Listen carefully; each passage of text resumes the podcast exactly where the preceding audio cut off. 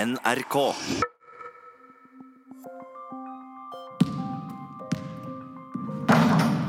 Tove Bjørgaas, du har jo nesten blitt amerikaner, men er du glad i basketball? Det er klart det er det. Men du, da? Egentlig ikke i det hele tatt, men jeg var i Madison Square Garden og så en kamp med New York Knicks, og da ble jeg litt fascinert, det må jeg innrømme. Men hva i alle dager har dette å gjøre i en podkast om eh, utenrikspolitikk? Nå skal du høre. New York Knicks har en spiller. Han er tyrkisk, men han er fratatt sitt tyrkiske statsborgerskap. Og han er etterlyst internasjonalt, og han er beskyldt for å være medlem av en terrororganisasjon. En terrorist på basketbanen? Krig og fred. En podkast fra NRK Urix. Cantor slides in and finishes with the right hand. Cantor able to get it over Embiid that time. And Brett Brown will take a timeout. Cantor using the size and finessing it home. That was a big boy play. Now, that was physical. I am Enes Kanter, and I, I played in NBA for the New York Knicks. And also, according to the Turkish authorities, you are something of a terrorist. Yes, that's what I mean. That's what they call it. It was just so funny because when that news came out, we were sitting down uh, in a locker room with my teammates, and we're just all laughing because my teammates know me, people around people around me knows uh, knows me very well, and uh, when that news came out, people were just very uh, they were laughing very hard. It's a bizarre situation sitting down in a basketball locker room having to tell your your uh, teammates that you're being accused of terrorism. Oh, I know. I mean, I, I think I, I don't think any basketball player in, in NBA history uh, faced anything like that before. Jeg har da snakka med Enes Kanter, som er tyrkisk basketballspiller. Burde ikke han være en slags nasjonal idrettshelt og ikke få terrorstempelet på seg? Ja, nei, Det er en, en veldig god spørsmål. Han uh, var sikkert en nasjonal helt før han fikk det terrorstempelet, etter uh, man uh, i Tyrkia begynte å, å, se på alle som har hatt en tilknytning til Gulen-bevegelsen under en sånn samlet kategori som terrorister. Men det er klart at det er en veldig vanskelig situasjon for han å være i, i og med at han er tyrker og han er sett på som gulenist og kan ikke tilbake til Tyrkia, kan ikke reise inn igjen. Jeg heter Pinar Tank, og jeg er seniorforsker ved Fredsforskningsinstituttet PRIO. Opprinnelig fra Tyrkia? Opprinnelig fra Tyrkia, ja. Bosatt i Norge i Bosatt i Norge i uh, over 30 år. Hva er en gulenist, egentlig? Ja, en gulenist um, det, spør, det, det, spørs hvem du spør. For den tyrkiske regjering så er en gulenist alle som kan ha en vag link med Gulen-bevegelsen. Eh, og, og, ofte så blir det brukt for å, å arrestere opposisjonelle. Eh, som har kanskje ingen eh, tilknytning til Gulen-bevegelsen, utenom det at de har kanskje hatt en konto i en bank som Gulen-bevegelsen har drevet, eller de har vært mottaker av en avis som Gulen-bevegelsen har publisert. Men en ekte gulenist vil da være noen som har vært, hatt sin utdannelse innenfor Gulen-bevegelsens mange skoler. Og hva er det Gulen-bevegelsen egentlig gjør? Dette er en bevegelse som selv definerer seg selv som en slags islamsk bevegelse som er til stede for utdanning. At de, de vil utdanne et moderne individ som har en, um, en, forståelse av islam som en slags uh, individuell verdi, et norm, uh, og som, kan, uh, som, har en god utdannelse. Ofte så er disse skolene, har disse skolene veldig fokus på naturfag og logikk. Mye av det moderne, samtidig som de har verdiene som islam, islamske verdier. En slags forening av, av troen på vitenskap og troen på religionen, da? Eller? Ja, en slags moderne måte å se på islam. Og dermed så har de også hatt en veldig stor tiltrekningskraft i Vesten.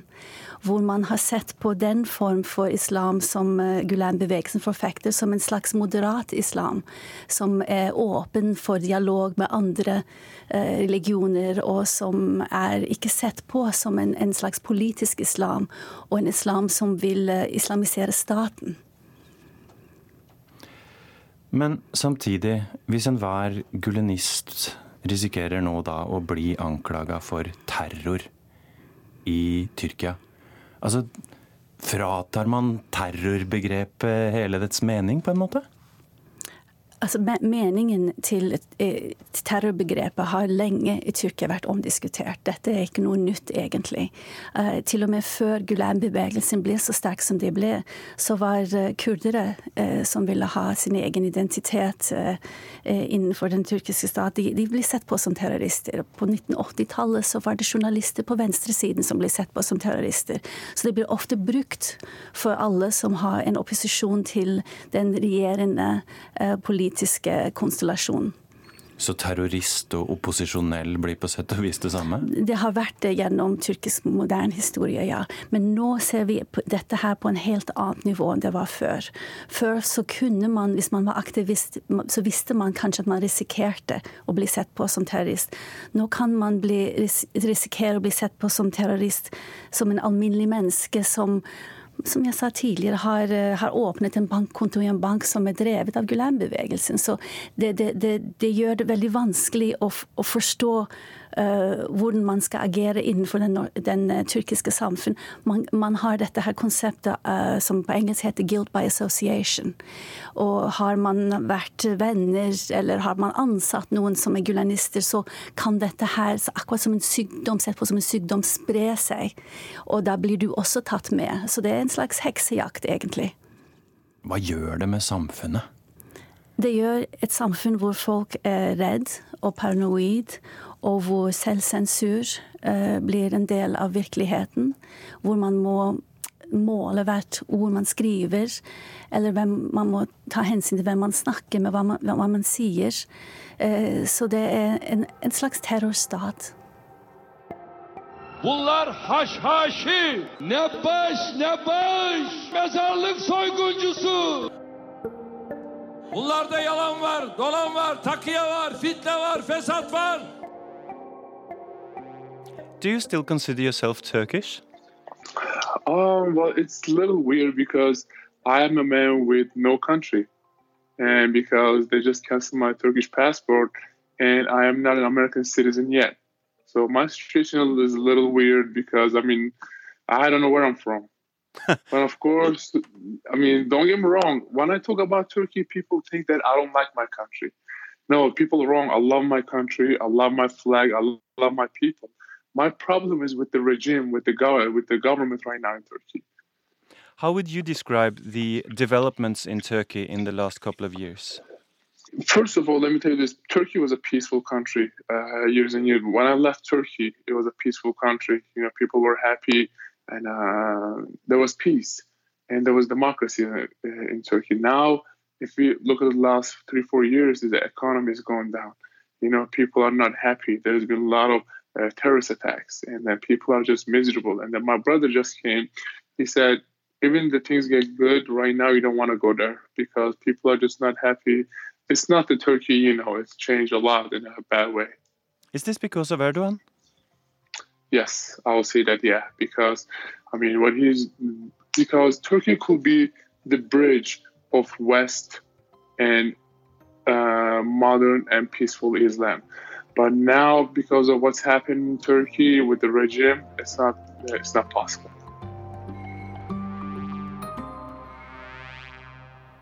Og så er det jo én mann som på sett og vis blir sett på som eh, årsaken til dette. Eh, president eh, Erdogan. Hvordan vil du beskrive hans eh, utvikling de siste åra? Han har utviklet seg til å være mer og mer autoritær. Når han kom ved makten i 2002, var det veldig mange liberale som også støttet han. For håpet var at man skulle uh, ha et ny type Tyrkia. Uh, en Tyrkia som så seg selv som et medlem i EU, hvor det var kontroll over militæret, hvor man hadde liberale reformer, hvor den kurdiske befolkningen kunne få mer rettigheter. Eh, men det var også en tid da militæret hadde en slags makt i Tyrkia, en sosial makt, som balanserte makten til Erdogan. Men det som skjedde, var når Gulen-bevegelsen og Erdogan begynte å jobbe sammen, så klarte de å knuse militærets sosiale makt ved å åpne en del rettssaker mot militæret. Fordi på den tidspunktet så kontrollerte Gulen-bevegelsen mye av rettsvesenet og politiet. Og de klarte å åpne rettssaker som eh, hadde en veldig dårlig rettsprosess. Det var veldig mye plantet uh, uh, beskyldninger. Og da, men, men, de klarte å knuse militærets sosiale makt. Det som skjedde etter det, var jo at plutselig så var det ingenting å balansere den makten til AKP. Jeg har en, en venn, en marxistprofessor, som sa veldig ironisk til meg en gang at Tyrkia var mer demokratisk når militæret hadde makt. Og det, det sier jo noe, for opposisjonen var veldig veik. Eh, og, og militæret var, hadde også mistet sin makt. Og det, det åpnet opp for uh, Erdogan å, å bli, mer, uh, bli, mer, og mer autoritær. Men før eller siden så kom den maktkampen mellom Gulen-bevegelsen og Erdogan. Og han innså at han måtte knekke Gulen-bevegelsen hvis han skulle kunne forbli ved makten.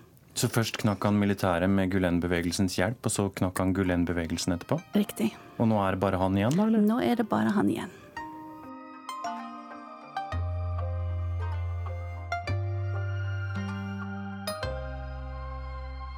For people like me who believes in a secular democratic country, it's very hard to, to challenge him because he's been using Islam as a as a main ruler. So if you challenge him, that means that you are challenging the, the religion.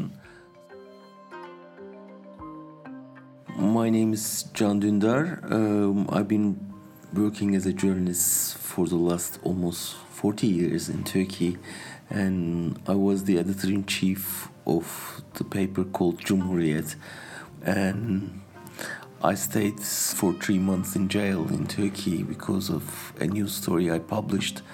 Then I went to Germany as an exile, so I've been living for the last two years in Germany.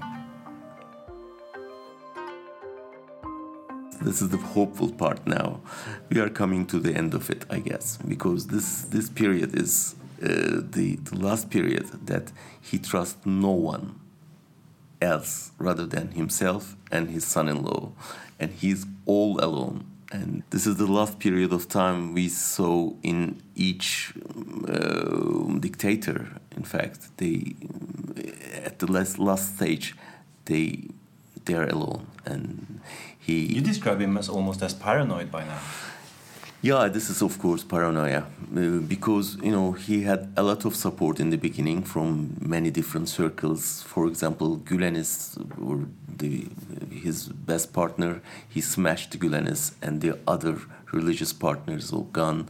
Liberals has gone the army is gone and some close friends who helped him founding the party has gone and he cleared all the way.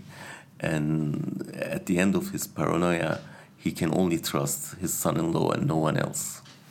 It's a, it's a very typical story for a dictator. det, det, er definitivt en regime med paranoide trekk. Hvis man bare tenker den tanken at det er ingen nummer to utnevnt, så skulle det skje noe med Erdogan, så er det veldig vanskelig å se hvem som kan uh, ta plassen hans. Og det tror jeg er, er bevisst gjort. Og han, han, har jo familien sin i regjering. Han, eh, han, har, han vil holde sine nærme eh, ved makten. En slags nepoti nepotistisk, autoritær regime. Ja. Cantor pounds it down. 31 points, 22 rebounds for Cantor. Right now, everybody's scared. Something's going to happen. And right now, it doesn't look any good. But all I can do right now, pray for my country. And of course, uh, the reason that you are described as a terrorist by Turkish authorities is that you're mm -hmm. a, a, follower of Fethullah Gulen. Yes. What does it mean to be a follower of Fethullah Gulen? Well, first of all, the what hizmet is, is a Turkish word, means serve. What hizmet is, it's a global social movement focuses on uh, secular education and um, and fighting uh, fighting with poverty, and inspired by a uh, Islamic scholar, Mr. Uh, Fethullah Gulen, and um, who follows uh, Sufi uh, tradition, and he inspired millions of people to open to open modern and uh, secular uh, school relief organizations. But um, some people in the West are skeptical of the Gulen movement as well, uh, saying that it's uh, it's religious Islamist uh, movement. What would you say to those people? I mean, I went to this school since second grade. This movement has schools over 170 countries in the world. They are not mosques; they are schools, and not just only Muslim people can go there you know, Jews can go there, Christians go there, Catholics can go there. You believe in God or you don't believe in God. You still can go to these uh, schools. And what they're trying to uh, teach in these schools is it doesn't matter what your background is. You can. Be, it doesn't matter what your skin color is. One thing I learned from the school is leave your differences on the table and try and find what we have in common. We need to make this world better together. and I think that was a key word just got me the together because we it's like a, it's like a team you know just uh, we need to just uh, come together and just make this world together. So you say it's a team so you play for two teams the New York Knicks and the Fethullah Gulen movement. There you go. There you go. You got it.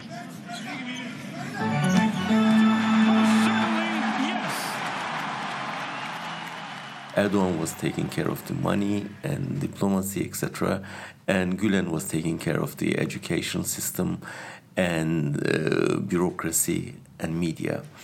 So uh, they invested, the Gülenists invested a lot for education for years, and they invested from the starting from the 70s or 80s, and their generation has come to power as you know as the mayors, as the generals, as the judges, etc. So it was very easy for Erdogan to run the country thanks to them. But then they start asking for money and we should share the money as we share the, the power. But Erdogan was not willing to share the power with them or the money. Then uh, when they asked for more, Erdogan decided to smash them because Erdogan had the power now and no need for more support from the Gülenist side. And I guess, um, in a way, Erdogan created a devil as a Frankenstein story, you know, and the devil attacked him uh, to, to kill him. But Erdogan was clever enough to uh, respond back. And they Erdogan smashed them and put them in jail. Now they are, you know, experiencing uh, that they've done to the opponents of Erdogan once and it's very difficult for us now to defend their rights, uh, not to be tortured, etc. But they've done really horrible things to the people once. And now you're suddenly sort of an ally with them? Uh, we can't be allies because really, I mean, I found them really very dangerous, to be honest, and for a democracy. Problemet er at den, du må velge sider i Tyrkia i dag. nyansene forsvinner. Nyansene forsvinner. Du får ikke den modererende kraften som skal være imellom. og Det er det du snakker om. Hva er alternativene, da? Hvilke sider kan man velge mellom? Nei, altså det er en, en, det er en Dessverre så er det et snakk om å velge én side, og der har Jan Dundar valgt sin side, og gulenisten har valgt sitt.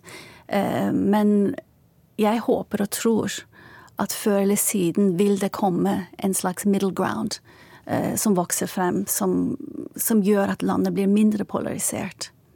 Hvem skal den komme fra? Ja, det er en opposisjon. Eh, og den opposisjonen ved siste valg eh, var sterkere enn det har vært før. Og det ga et lite håp om at Tyrkia kanskje vil, vil bli bedre i fremtiden. Og så må vi huske nå at um, Erdogan har på en måte tatt knekken på Gulen-bevegelsen i Tyrkia det kan hende at da vil han roe seg litt, og det vil kanskje la, la folk la la det, komme en opposisjon som tør å si mer, og tør å opponere. Men hva hvis tyrkerne ikke er så opptatt av demokrati, da? Hva hvis Erdogan leverer økonomisk vekst i år etter år, og så er folk fornøyd med det? Jeg, tror folk eh, velger han på grunn av det. Eh, de er redd for ustabilitet. De er redd for de gamle årene i Tyrkia hvor man hadde regjeringen som var veldig veike. Eh, og hvor man hadde både politiske problemer, men også et økonomi som sviktet. Eh, hvor du hadde ikke bare dobbel, men triple digit inflation. Så, så, jeg husker som barn, så hvis man ønsket seg noe litt dyrt, så kjøpte man det aldri i begynnelsen av ferien. Du kjøpte det alltid på slutten. For da kostet det mindre. Ja. Altså Det var på, på, det nivået der. Og det er klart at folk velger også med lommen. Man har sine støttespillere blant velgerne, for de har sett sitt liv bli bedre i løpet av den perioden. Uh, hvor eh, Erdogan har vært ved makten. Ja, og han har jo blitt gjenvalgt gang etter han gang etter gang. Han har blitt Gjenvalgt, uh, absolutt. Han og sånn sett så er det ingen og, som har noe å klage på? Nei, og så er det noe å huske at Tyrkia har hvis man setter til side den, den store spørsmålet om demokrati, Tyrkia har utviklet seg i de årene under Erdogan. At du kan se det på helt enkle ting som Jernbaneverket, som aldri fungerte på 90-tallet. Jeg tok jernbanen i 2004. Det var som å, fly business class i en, en, en, en fly. Så det er sånne små ting i, i hverdagen til folk har blitt bedre. Og det betyr noe. Og så har han klart å um, løfte opp et del av samfunnet som den sekulære eliten glemte, og valgte å glemme. Eh, og det og har vært det? viktig. Det har vært small and medium-sized businesses. ikke sant? Det er de som på en måte har hatt eh, sine, eh, sitt næringsliv eh, rettet mot Midtøsten, f.eks., der Tyrkia har vokst. Og, og vise Tyrkia fram som en slags um, rising power. Altså Dette har også vært en del av de årene som Erdogan har regjert. Så det er, det er, en, det er en, veldig komplisert um, bilde vi har av Tyrkia. På den ene siden så har utviklingen gått veldig bra og oppover inntil nylig. Uh, samtidig sett så har demokratiet uh, gått i, i, i grus.